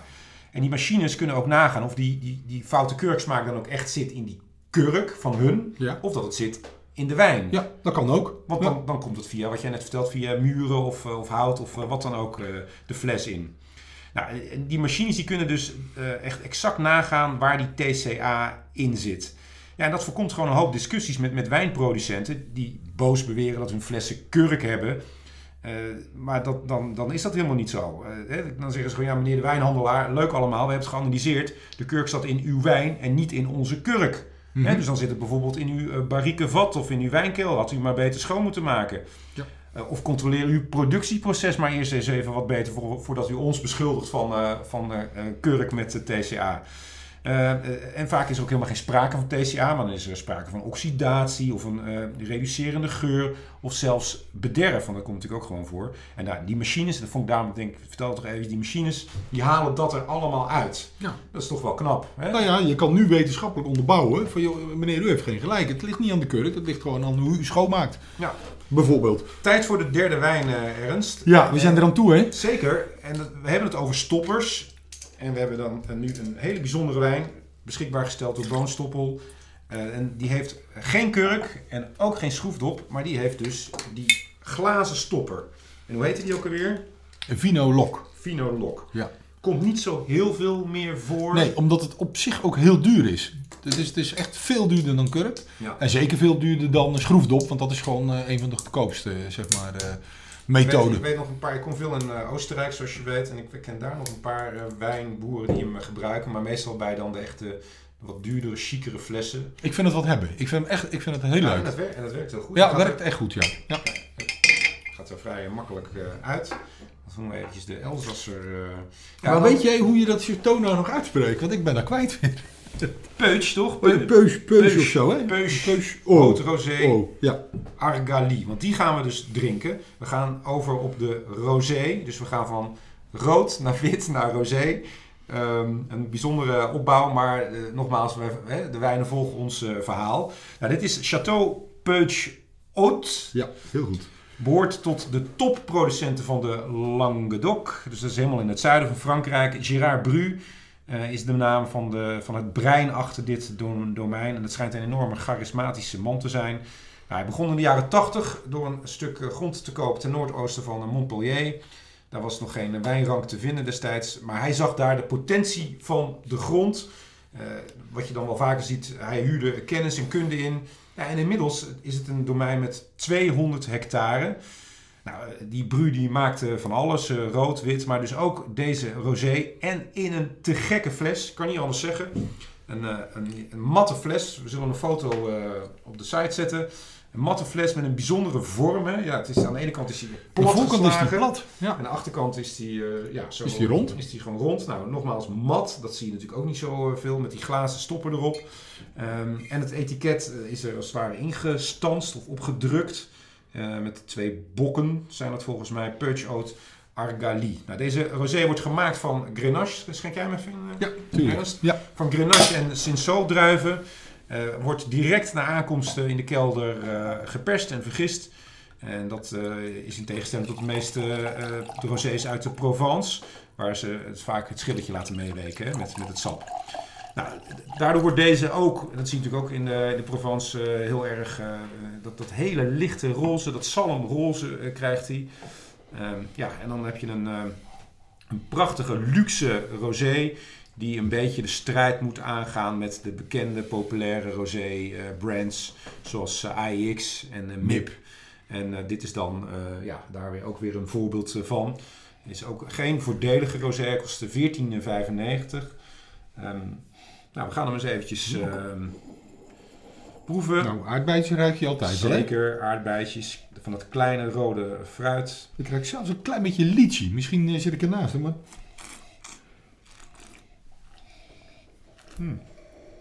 Zeker kruidig ook.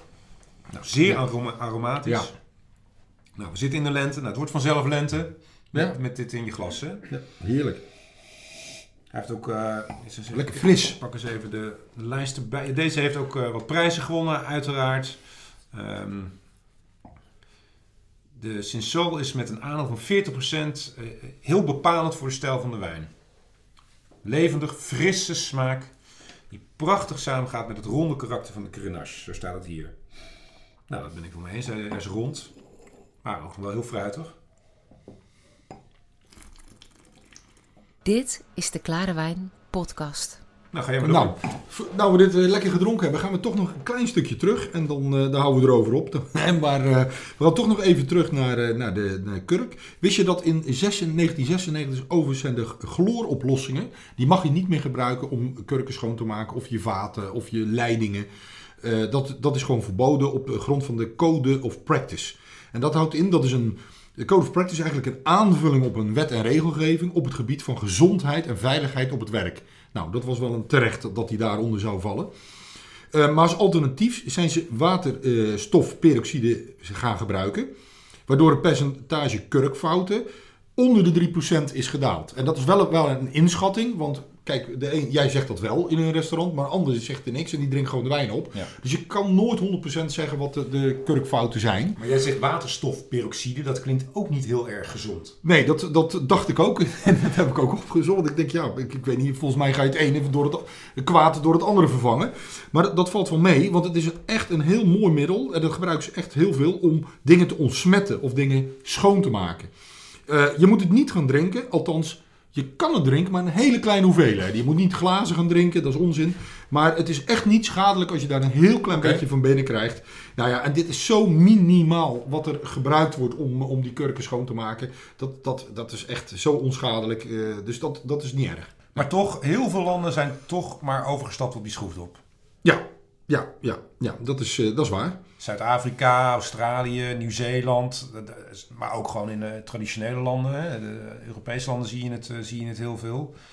Ja, in Nieuw-Zeeland ligt de percentage zelfs op 95%. 95% van de afsluiters zijn op dit moment eh, schroefdoppen. Echt waar, zoveel? Ja, maar dat kan ook, hè, want daar maken ze hele fris fruitige wijnen. Die hoeven ook helemaal niet op die fles te rijpen. Dus er hoeft geen zuurstof meer bij de wijn te komen. Dat heb je wel bij, eh, bij wat wijnen die je langer moet bewaren. Er moet een klein stukje zuurstof erbij Ja. komen om hem te laten rijpen nog in de fles. Dat hoeft niet in Nieuw-Zeeland, zeker daar niet, want dan maken ze eh, fris fruitige wijnen van de, van de Sauvignon Blanc. Eh, nou, die stuiven eruit, dat weet je. Ja. Dus dan mag gewoon met een schroefdop, komt geen eh, ehm, zeg maar zuurstof bij. En het hoeft ook niet alleen vanwege de, eh, het feit dat ze niet hoeven te rijpen, maar ook het feit dat je binnen een jaar opdrinkt. Eén jaar, twee jaar drink je het op. Dus dat is, wat, dat is echt een tegenstelling tot wijnen uit Bordeaux. Die moeten echt nog, heel veel moeten nog kurk hebben, omdat ze moeten ouderen, zoals het deftig heet, in de fles. Ze moeten nog body krijgen, et cetera. Die kan je ook, en die moet je ook jaren laten liggen. Nou, Maar Fransen moeten ook niets hebben hè, van schroefdoppen. Het is, ook, het is natuurlijk ook emotie, eh, hang naar traditie. Zeker in de klassieke gebieden. Je ziet ook wel in het zuiden van Frankrijk komen ook wel steeds meer schroefdoppen voor in de wat goedkopere wijnen. ja. Ehm, maar die Fransen die, die hebben zoiets van, nee, dat moet je niet veranderen. Ehm, want ja, dat, dat hoort nou eenmaal bij wijn. Daar moet gewoon een, een, een kurk in. En, en wees nou eerlijk, eh Ernst Jan, een, een mooie Margot uit Bordeaux, daar stop je geen eh, schroefdop op, toch? Ik ben helemaal met je eens. Dus, eh, Maar, ja. maar, maar- en het is ook niet goed dus voor Nee, nee, nee, ze moeten echt rijpen. Kijk, in- in, die Bordeaux-wijnen weet je ook, er zit heel veel tannine in. Ja. Dat leggen we nog een andere keer uit. Maar de stof die, die echt wat, wat stroef in je mond overkomt, die, die moet langzaam in de wijn ja, gaan. En langzaam verdwijnt die ook. Wordt het tanninegehalte in de wijn minder. Kan alleen maar als je hem lang laat rijpen op kurk. Ja. Dus ja, Dan gaan we naar het derde onderdeel van deze podcast. Ernst, Ja. etiketten. Je luistert naar de Klare Wijn podcast met de meest fascinerende verhalen uit de wondere wijnwereld. En ook weer een klein stapje terug. En we gaan niet een, weer een hele geschiedenisles geven, maar toch een stapje terug in de geschiedenis. En dan gaan we weer, dat hebben we al eerder al eh, aangerefereerd, maar dat is het, het graf van Tutankhamon, weet je nog? Oh ja. Er zijn die aforen gevonden waarop de stijl, het jaar van het productiegebied, eh, het jaar waar het gemaakt is, het productiegebied en de naam van de wijnmaker zijn terug te vinden. Dat was eigenlijk dus een soort voorloper van de etiket. Ja. En, ehm, dus trouwens, het etiket is het, maar goed. Ehm, de Romeinen die graveerden amfora's hè, met de naam van de wijn erin. Dus dat was ook al heel wat. En ook vaak de naam, dat was verplicht natuurlijk, de naam van de consul. Dat was degene die toen heerste. Hè, dus zeg maar de eerste man. Ja, dat, is, dat vind ik echt bijzonder dat ze dat toen al eh, deden. Maar waren nog niet echt etiketten van papier die erop Nee, nee, nee, was, was, was ingegraveerd.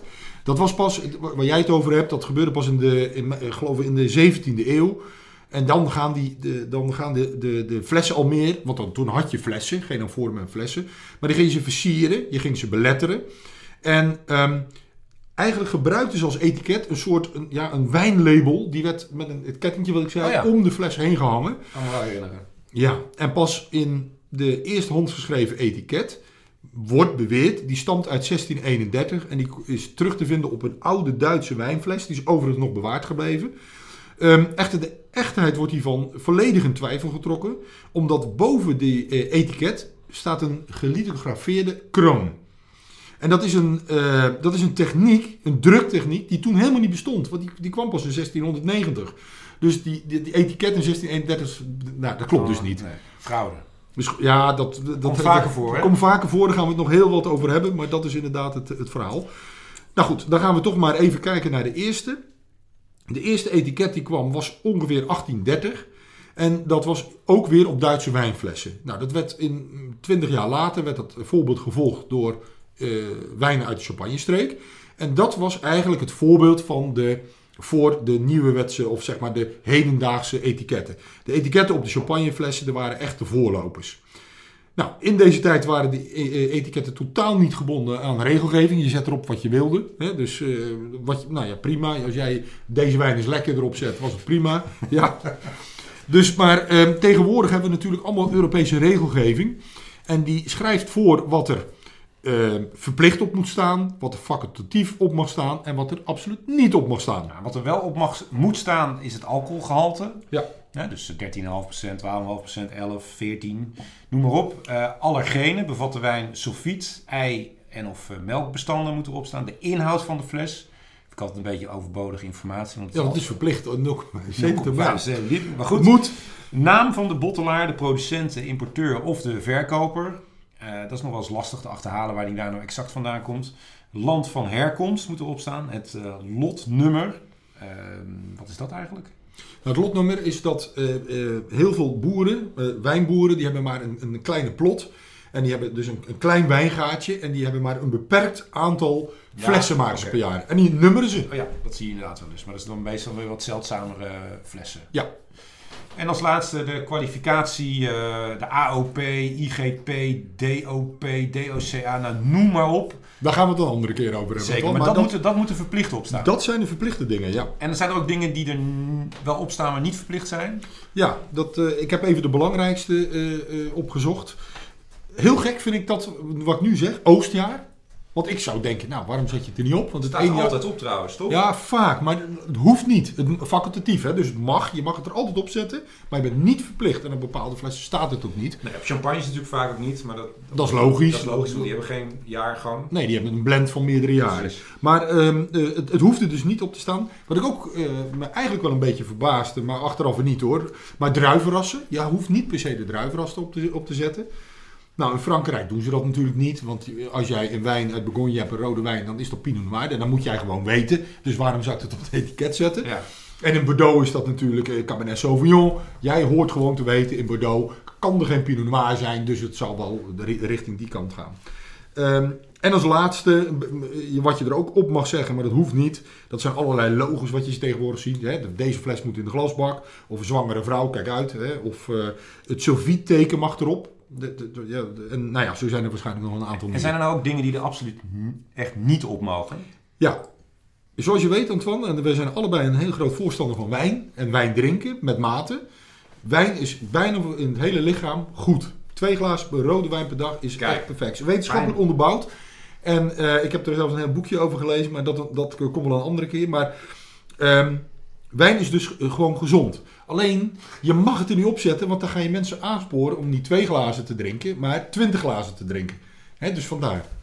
Dus, ehm, nou ja, dus gezondheidsclaim mogen er niet op zitten. Oké, nou, eh, aangezien de wijnmaker zich eh, wil onderscheiden ten opzichte van, van de concurrenten, worden die etiketten dus steeds mooier. Want dat is natuurlijk ook echt een marketing tool hè, om, om op te vallen. Wat we in het begin van de podcast zeiden.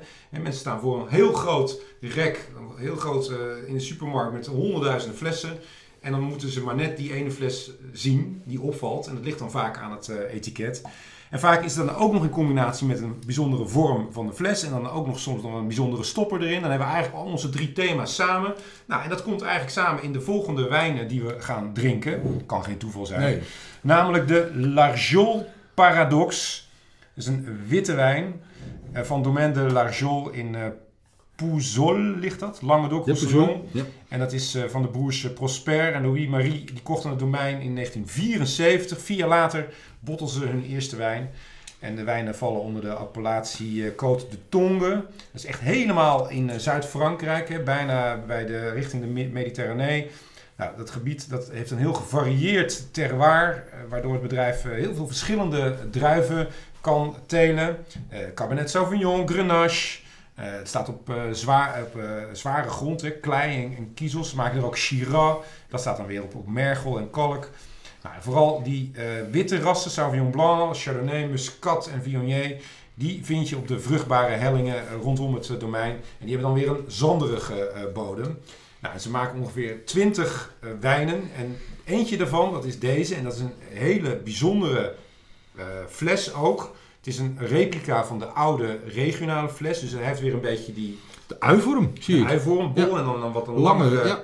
hè, waar we het over hebben gehad. Dit is een blend van Sauvignon Blanc en eh Viognier. Nou, we gaan hem openmaken. En als ik het mag geloven, dan knalt hij je glas uit. Want dat staat in de, in de, in de beschrijving. Eh, hij heeft eh, opnieuw eikenhouten fusten gelegen. 10 maanden blijft hij in contact met de, de schillen. Even kijken, ik krijg hem niet open. Even kijken hoor. Ja, hij. komt er.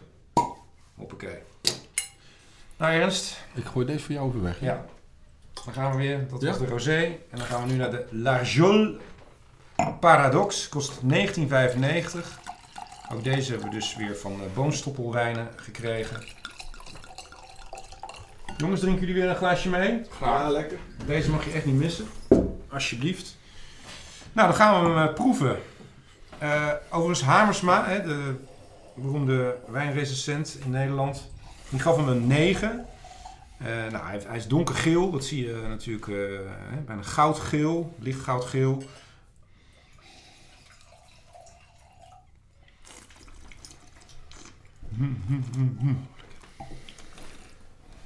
Nou, dat is echt tropisch fruit.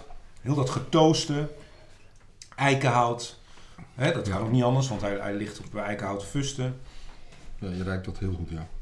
Beetje Vanille. begonje-stijl. Begonje is iets meer ingetogener, vind ik wat. Dit is wat expressiever. Maar het komt er wel in de buurt. Ja, dit is echt, dit is echt wel top. Kan niet anders zeggen. Ja, deze is echt eh, heel goed. Lekker boterachtig, beetje stevig. Ronde smaak. Zeker. Hmm. Nou, deze Lajol heeft dus een, een fraai etiket. Nou, dat zullen wij ook eventjes eh, op de site zetten. Nou, en zo zijn er zoals gezegd eh, nog, eh, nog veel meer. En daar is vorig jaar ook een heel mooi boek over verschenen. Jij hebt hem, hè? Zeker. Burp heet Ja. het boek. Burp, The Other Wine Book. Is van Bas Korpel en Jur Baart, twee Nederlanders. En ja, om deze podcast eh, eh, af te sluiten hebben we besloten... Het, het boek staat vol met etiketten, met bijzondere etiketten. 50 verschillende of zo, Ja, weet en ik het. en Ja, het zoiets. ene is nog mooier dan het andere. Heel modern, heel klassiek. Ehm, we hebben er vijf uitgehaald. Vijf etiketten. Waar ook een mooi, fascinerend verhaal bij zit. Want dat is nou eenmaal waar wij deze podcast voor hebben. De Mhm. fascinerende verhalen.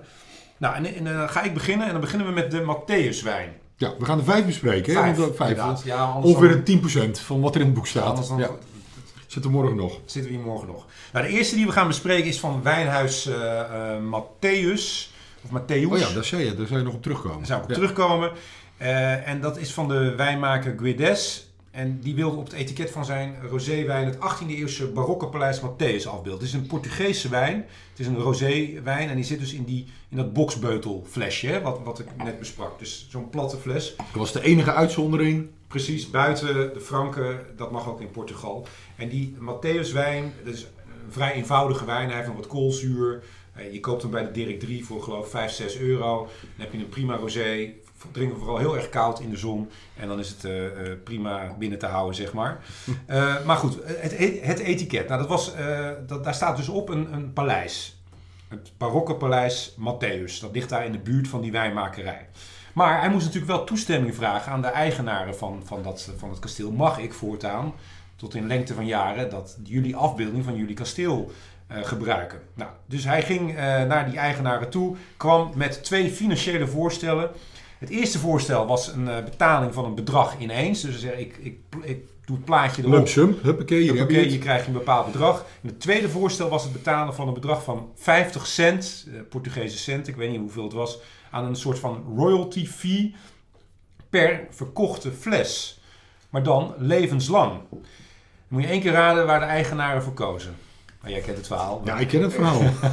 Nou, die kozen dus voor voorstel 1.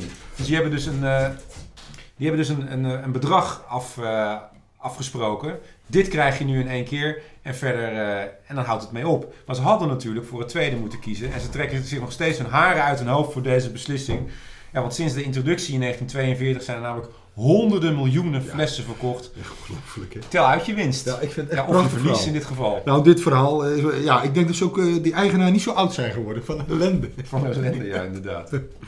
Nou ja, dat, dit, is een prachtig verhaal wat daar eh, onder andere in dat boek staat.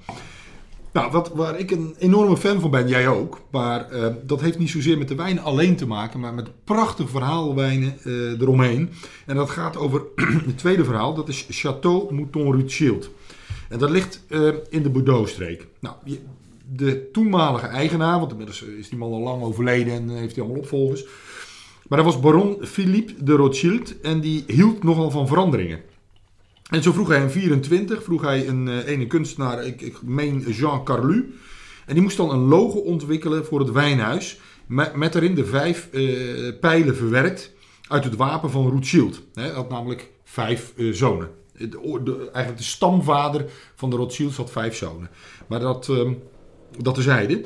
Nou, hij besloot als eerste de, een, een eh, cru uitsluitend te boddelen op zijn eigen château. Dat, dat was echt uniek, want vroeger ging dat allemaal naar coöperaties toe.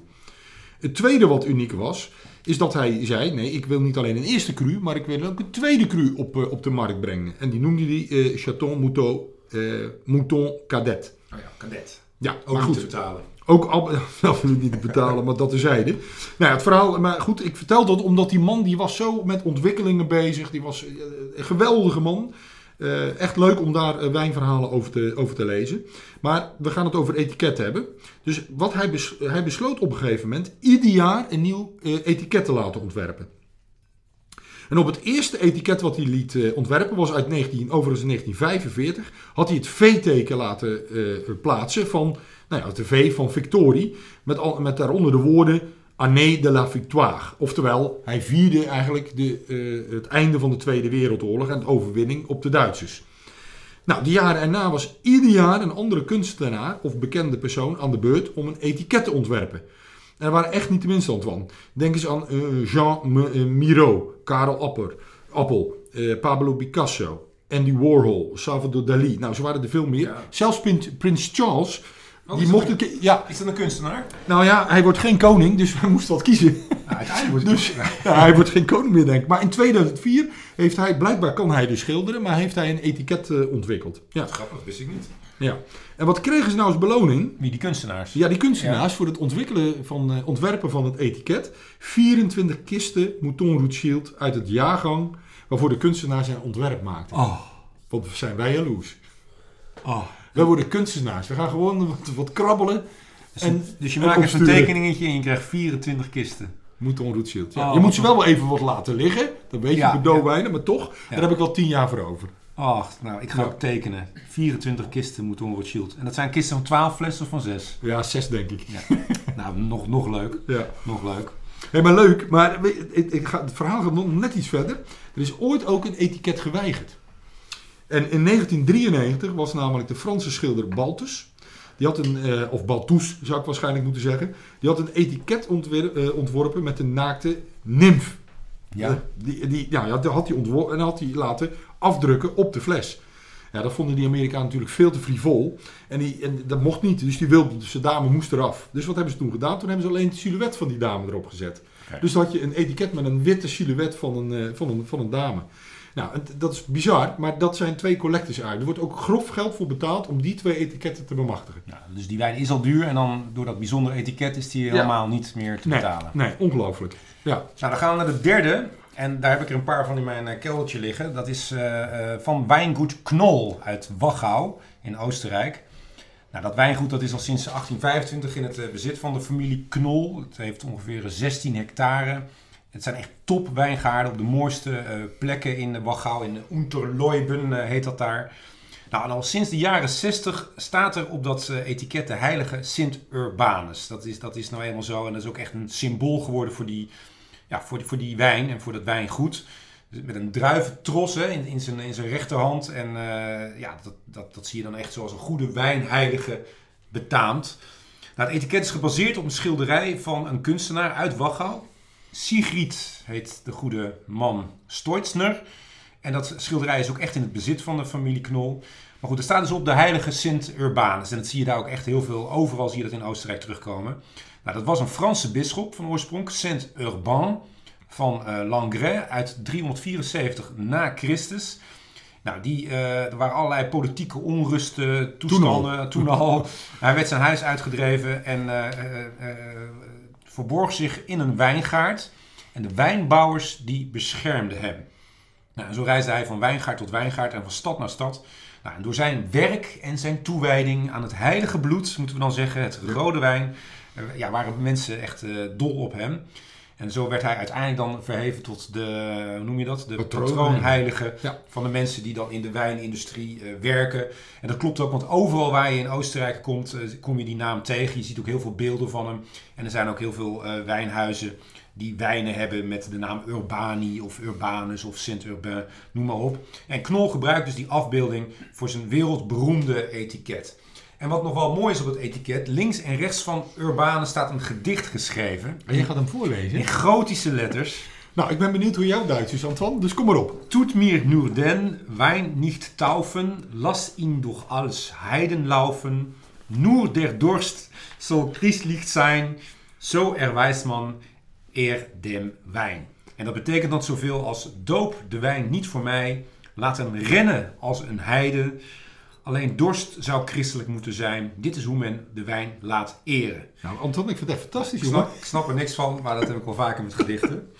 Uh, dat, was, uh, dat was het derde etiket. Ja, echt leuk. Ja, echt een leuk verhaal. Nou, we vliegen door uh, naar, van Oostenrijk gaan we naar Zuid-Afrika en dan gaan we naar Franshoek. En dat is, dat is bekend om de, de Franse hugenoten, hè, die in 1688, 1690 rond die tijd daar neerstreken. Het waren protestanten die, die vluchten voor de katholieken. Nou, en wij komen dan aan bij het uh, wijnhuis. En ik, de meesten kennen het denk ik wel, dus Boekenhouts Kloof. Ja, bekend ook van de Chocolate Block. Chocolate Block en uh, de Wolf Trap, ja. die maken ze ook. En Porseleinberg, een hele ook nog, wijn. Ja, ook nog. Nou ja, en, en boekenhout, dat staat eigenlijk, dat is een, een inheemse beukenboom. En die wordt gebruikt voor het maken van meubels. En op het etiket staan zeven verschillende stoelen, die, ze, die, die blijkbaar daar toen gemaakt werden. En, en dat etiket is echt een eerbetoon aan het vakmanschap van de 18e eeuwse ambachtslieden. En hun prestaties om iets moois te maken van, uh, van natuurlijke bronnen, zoals, uh, zoals dat deftig omschreven staat. Nou, en net als uh, het wijnhuis streven zij naar het maken, of net als, die, als dat oude beroep streven ze naar het maken van goede wijn. En het aparte aan hieraan is, is dat de etiketten één voor één met de hand nog worden ge, uh, geplakt op de fles.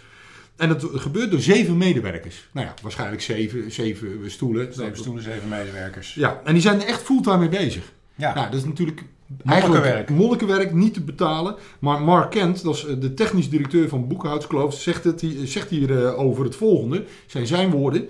This practice is fucking expensive, but it looks great. Ja, dat is toch leuk? Ja, ik heb die porseleinberg heb, heb ik twee ja. flessen van. Dat, is een, uh, dat wordt met een hele oude drukpers, wordt, wordt, worden die etiketten, dat zijn dan weer witte Heidelberg, etiketten. Hè, de, de Heidelberg pers, dat, dat, is echt wel een oude machine. Daar hebben ze een jaar aan gewerkt voordat dat ding het weer deed. En daar drukken ze dus ook al die etiketten gewoon per stuk in zo'n machine. Maakt heel veel lawaai. En die gaan ook per hand gaan die, uh, per Hetzelfde. fles erop. Ja, het is wel bijzonder. Heel bijzonder vind ja. ik het, ja. Je betaalt ook wel een godsvermogen ervoor. Uh, maar goed, dat, ja, dat, dat mag ook bij zo'n bij zo'n wijn. Hey, we gaan inmiddels naar uh, het laatste etiket. En um, ja, die konden we natuurlijk niet afsluiten zonder een, een etiket met een Nederlands tintje. Wat is leuker. Nou, dan gaan we door. Weliswaar moeten we wel doorvliegen van Zuid-Afrika naar Australië. En dan, dan, landen we in de McLaren Vale, of McLaren, McLaren Valley. En dan gaan we naar een, een, toch wel met een Nederlands naampje, Wijnhuis Darensberg. En, um, Darens? Hier, Darens, ja, D-apostrof Arenberg. En het merk dat ze hier maken, dat noemen ze Stump Jump. En dat is vernoemd naar een uh, innovatieve ploeg. Stump. Um, Stump. Stump Jump. Dat was een, een ploeg, in, in, een, een wijnploeg zeg maar, of de, of, of de aarde, om, om de aarde te ploegen. En die kon over stenen heen springen. Ja, vraag me niet hoe, maar voor het verhaal is het verder niet zo interessant. Maar dat was dus een ploeg. En uh, dat, die um, is eigenlijk uitgevonden door Richard Bauer Smith. En Richard Bauer Smith, uh, die, was, uh, die kon die ploeg niet bedienen. En dat had te maken met het feit dat hij visueel gehandicapt was, net als ik. Was gewoon blind? Ja, hij was praktisch blind. Ja, dus... Um, En het was dus veel te gevaarlijk als hij die proef zou bedienen. Want ja, dan eh, zou er van alles verkeerd kunnen gaan Hoeveel heb, natuurlijk. jij, hoeveel heb jij dan? Min? Plus? Min 7 heb ik. En, eh, ja, min 7 plus. eh, en min 5. Dus ik heb ongeveer hetzelfde. Ja. Daarom vond ik dit verhaal... eh, Dus als je even afzet en je gaat op zo'n ploeg zitten, dan... Gaat het fout. Dan gaat fout. Dus ga ik niet doen. Maar in ieder geval, die man, die, zijn, gezi- zijn eh, ge- eh, zicht ging steeds verder achteruit. En hij moest dus continu naar de opticien om zijn ogen te laten testen. En dat wilde hij nou tot uiting laten komen op het eh, etiket. Nou, en wat deed hij? Hij, hij, hij publiceerde een deel van, dat, eh, van de snelle kaart, zoals dat heet, publiceerde hij eh, op het etiket. En dat is, dat werd een snelle kaart, het werd gebruikt door opticiens. En die gebruiken dat om te beoordelen of jij nog de letters kan lezen. Elke volgende rij, weet je wel. Ja, precies. Dat hebben we allemaal Wordt gehad, kleiner. Dan moet je één oog dicht houden en dan Precies. is die... ja, wat dan moet je de letters kunnen lezen. Ja. Dat is de A, B of C. En dat wordt per rij wordt dat, eh, wordt dat minder. kleiner. Ja, wordt steeds kleiner. En ehm, nou ja, zo kan een opticien vaststellen of jij een oogafwijking hebt. En maar wat heeft dat nou met Nederland te maken? Nou, let op. De kaart, die snelle kaart, dat is vernoemd naar een Nederlandse professor, Herman Snelle. En nou komt hij. En die heeft in 1862 deze kaart ontworpen. Dus omdat hij, een, een, een, Australië, een Australiër, die is blind geworden en die drukte op, dat, eh, op de etiket de snelle kaart af. En dus een Nederlandse uitvinding is de snelle kaart, die overigens wereldwijd nog steeds wordt gebruikt. Ja, en die wijn is ook eh, overal te koop. Het is niet een hele Nee, spectaculaire dat kan je wijn. gewoon kopen. Ja, Een, zeker. Een, een, slobbertje. Eh, maar inderdaad, een eh, interessant verhaal. Nou, al deze etiketten en nog veel meer staan dus in dat boek. Hè? Eh, Ja. Burp, The Other Wine Book van Bas Korpel en Jur Baart. Ja, en daarmee zijn we aan het einde gekomen van de allereerste aflevering. Zeker, ja. Ik hoop dat iedereen het leuk heeft gevonden. Wij in ieder geval wel. We hebben eh, vier mooie wijnen gedronken, een hoop besproken. Ik heb geen idee hoe lang, we, hoe lang het is geworden. Kan jij dat zien, Robin? Hoe lang Jazeker. Bijna anderhalf uur. Jeetje. Wat kunnen jullie praten? Nou, wil je meer weten over deze eerste aflevering en wil je de wijnen bestellen die we hebben geproefd of de foto's eh, kijken die we tijdens deze podcast hebben gemaakt? Nou, ga dan naar klarewijnpodcast.nl of check de beschrijving van deze eh, podcast. Nou, de boeken die we hebben geraadpleegd, hè, dat was onder andere Burp, maar er zijn er meer. eh, die hebben we ook op de, op de site gezet. En daar hebben we, de- we hebben een klein beetje een, een eh, verhaaltje van gemaakt. Een soort samenvattingje. Een, een leader, zeg maar, om te kijken. Vind je het leuk om, om te lezen? Je kan ze overal bestellen. De wijnboekenplank hebben we het genoemd. Ja. Nou, verder bedanken we eh, eh, eh, Robin en eh, Barry voor alle technische ondersteuning. En als de beloning mochten ze gezellig eh, meeproeven. Eh, trouwens ook leuk om te vermelden dat onze technici ook super muzikaal zijn. Want de muziekjes eh, die je horen, dus de intro en de halverwege, ja, die hebben zij zelf eh, geschreven en ook ingespeeld. Dus nou, wat wil je nog meer? We zijn gezegend met zulke vrienden die dat allemaal voor ons doen. Nou, uiteraard kun je ook reacties achterlaten en ons beoordelen. Want ja, we weten ook, het kan, kan altijd beter hè? Zeker, dat- Zeker. daar streven we naar. Zo is het. Eh, we gaan ons voorbereiden op de volgende podcast. Misschien kan jij een klein tipje van de sluier oplichten. Ja, we gaan dan, hebben, we gaan dan naar de jaren 80, naar Oostenrijk. En dan gaan we het eh, een super verhaal vertellen, een super spannend verhaal vertellen over list, bedrog en fraude in de Oostenrijkse wijnmarkt. Ja, Nou, hoe leuk. het Oostenrijkse wijnschandaal. Ja, het Oostenrijkse wijnschandaal. Verheugen we ja. er nu al op. Nou, de volgende podcast van de Klare Wijn zal verschijnen over twee weken. Nou, bedankt voor het luisteren. Proost, Ja. zou ik zeggen. En tot de volgende keer. Volgende keer.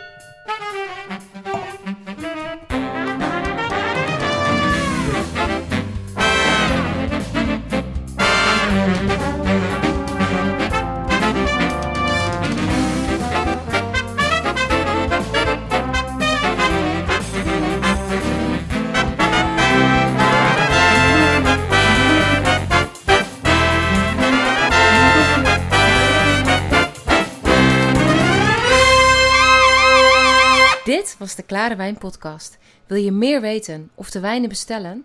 Ga naar klarewijnpodcast.nl of check de beschrijvingen bij deze podcast.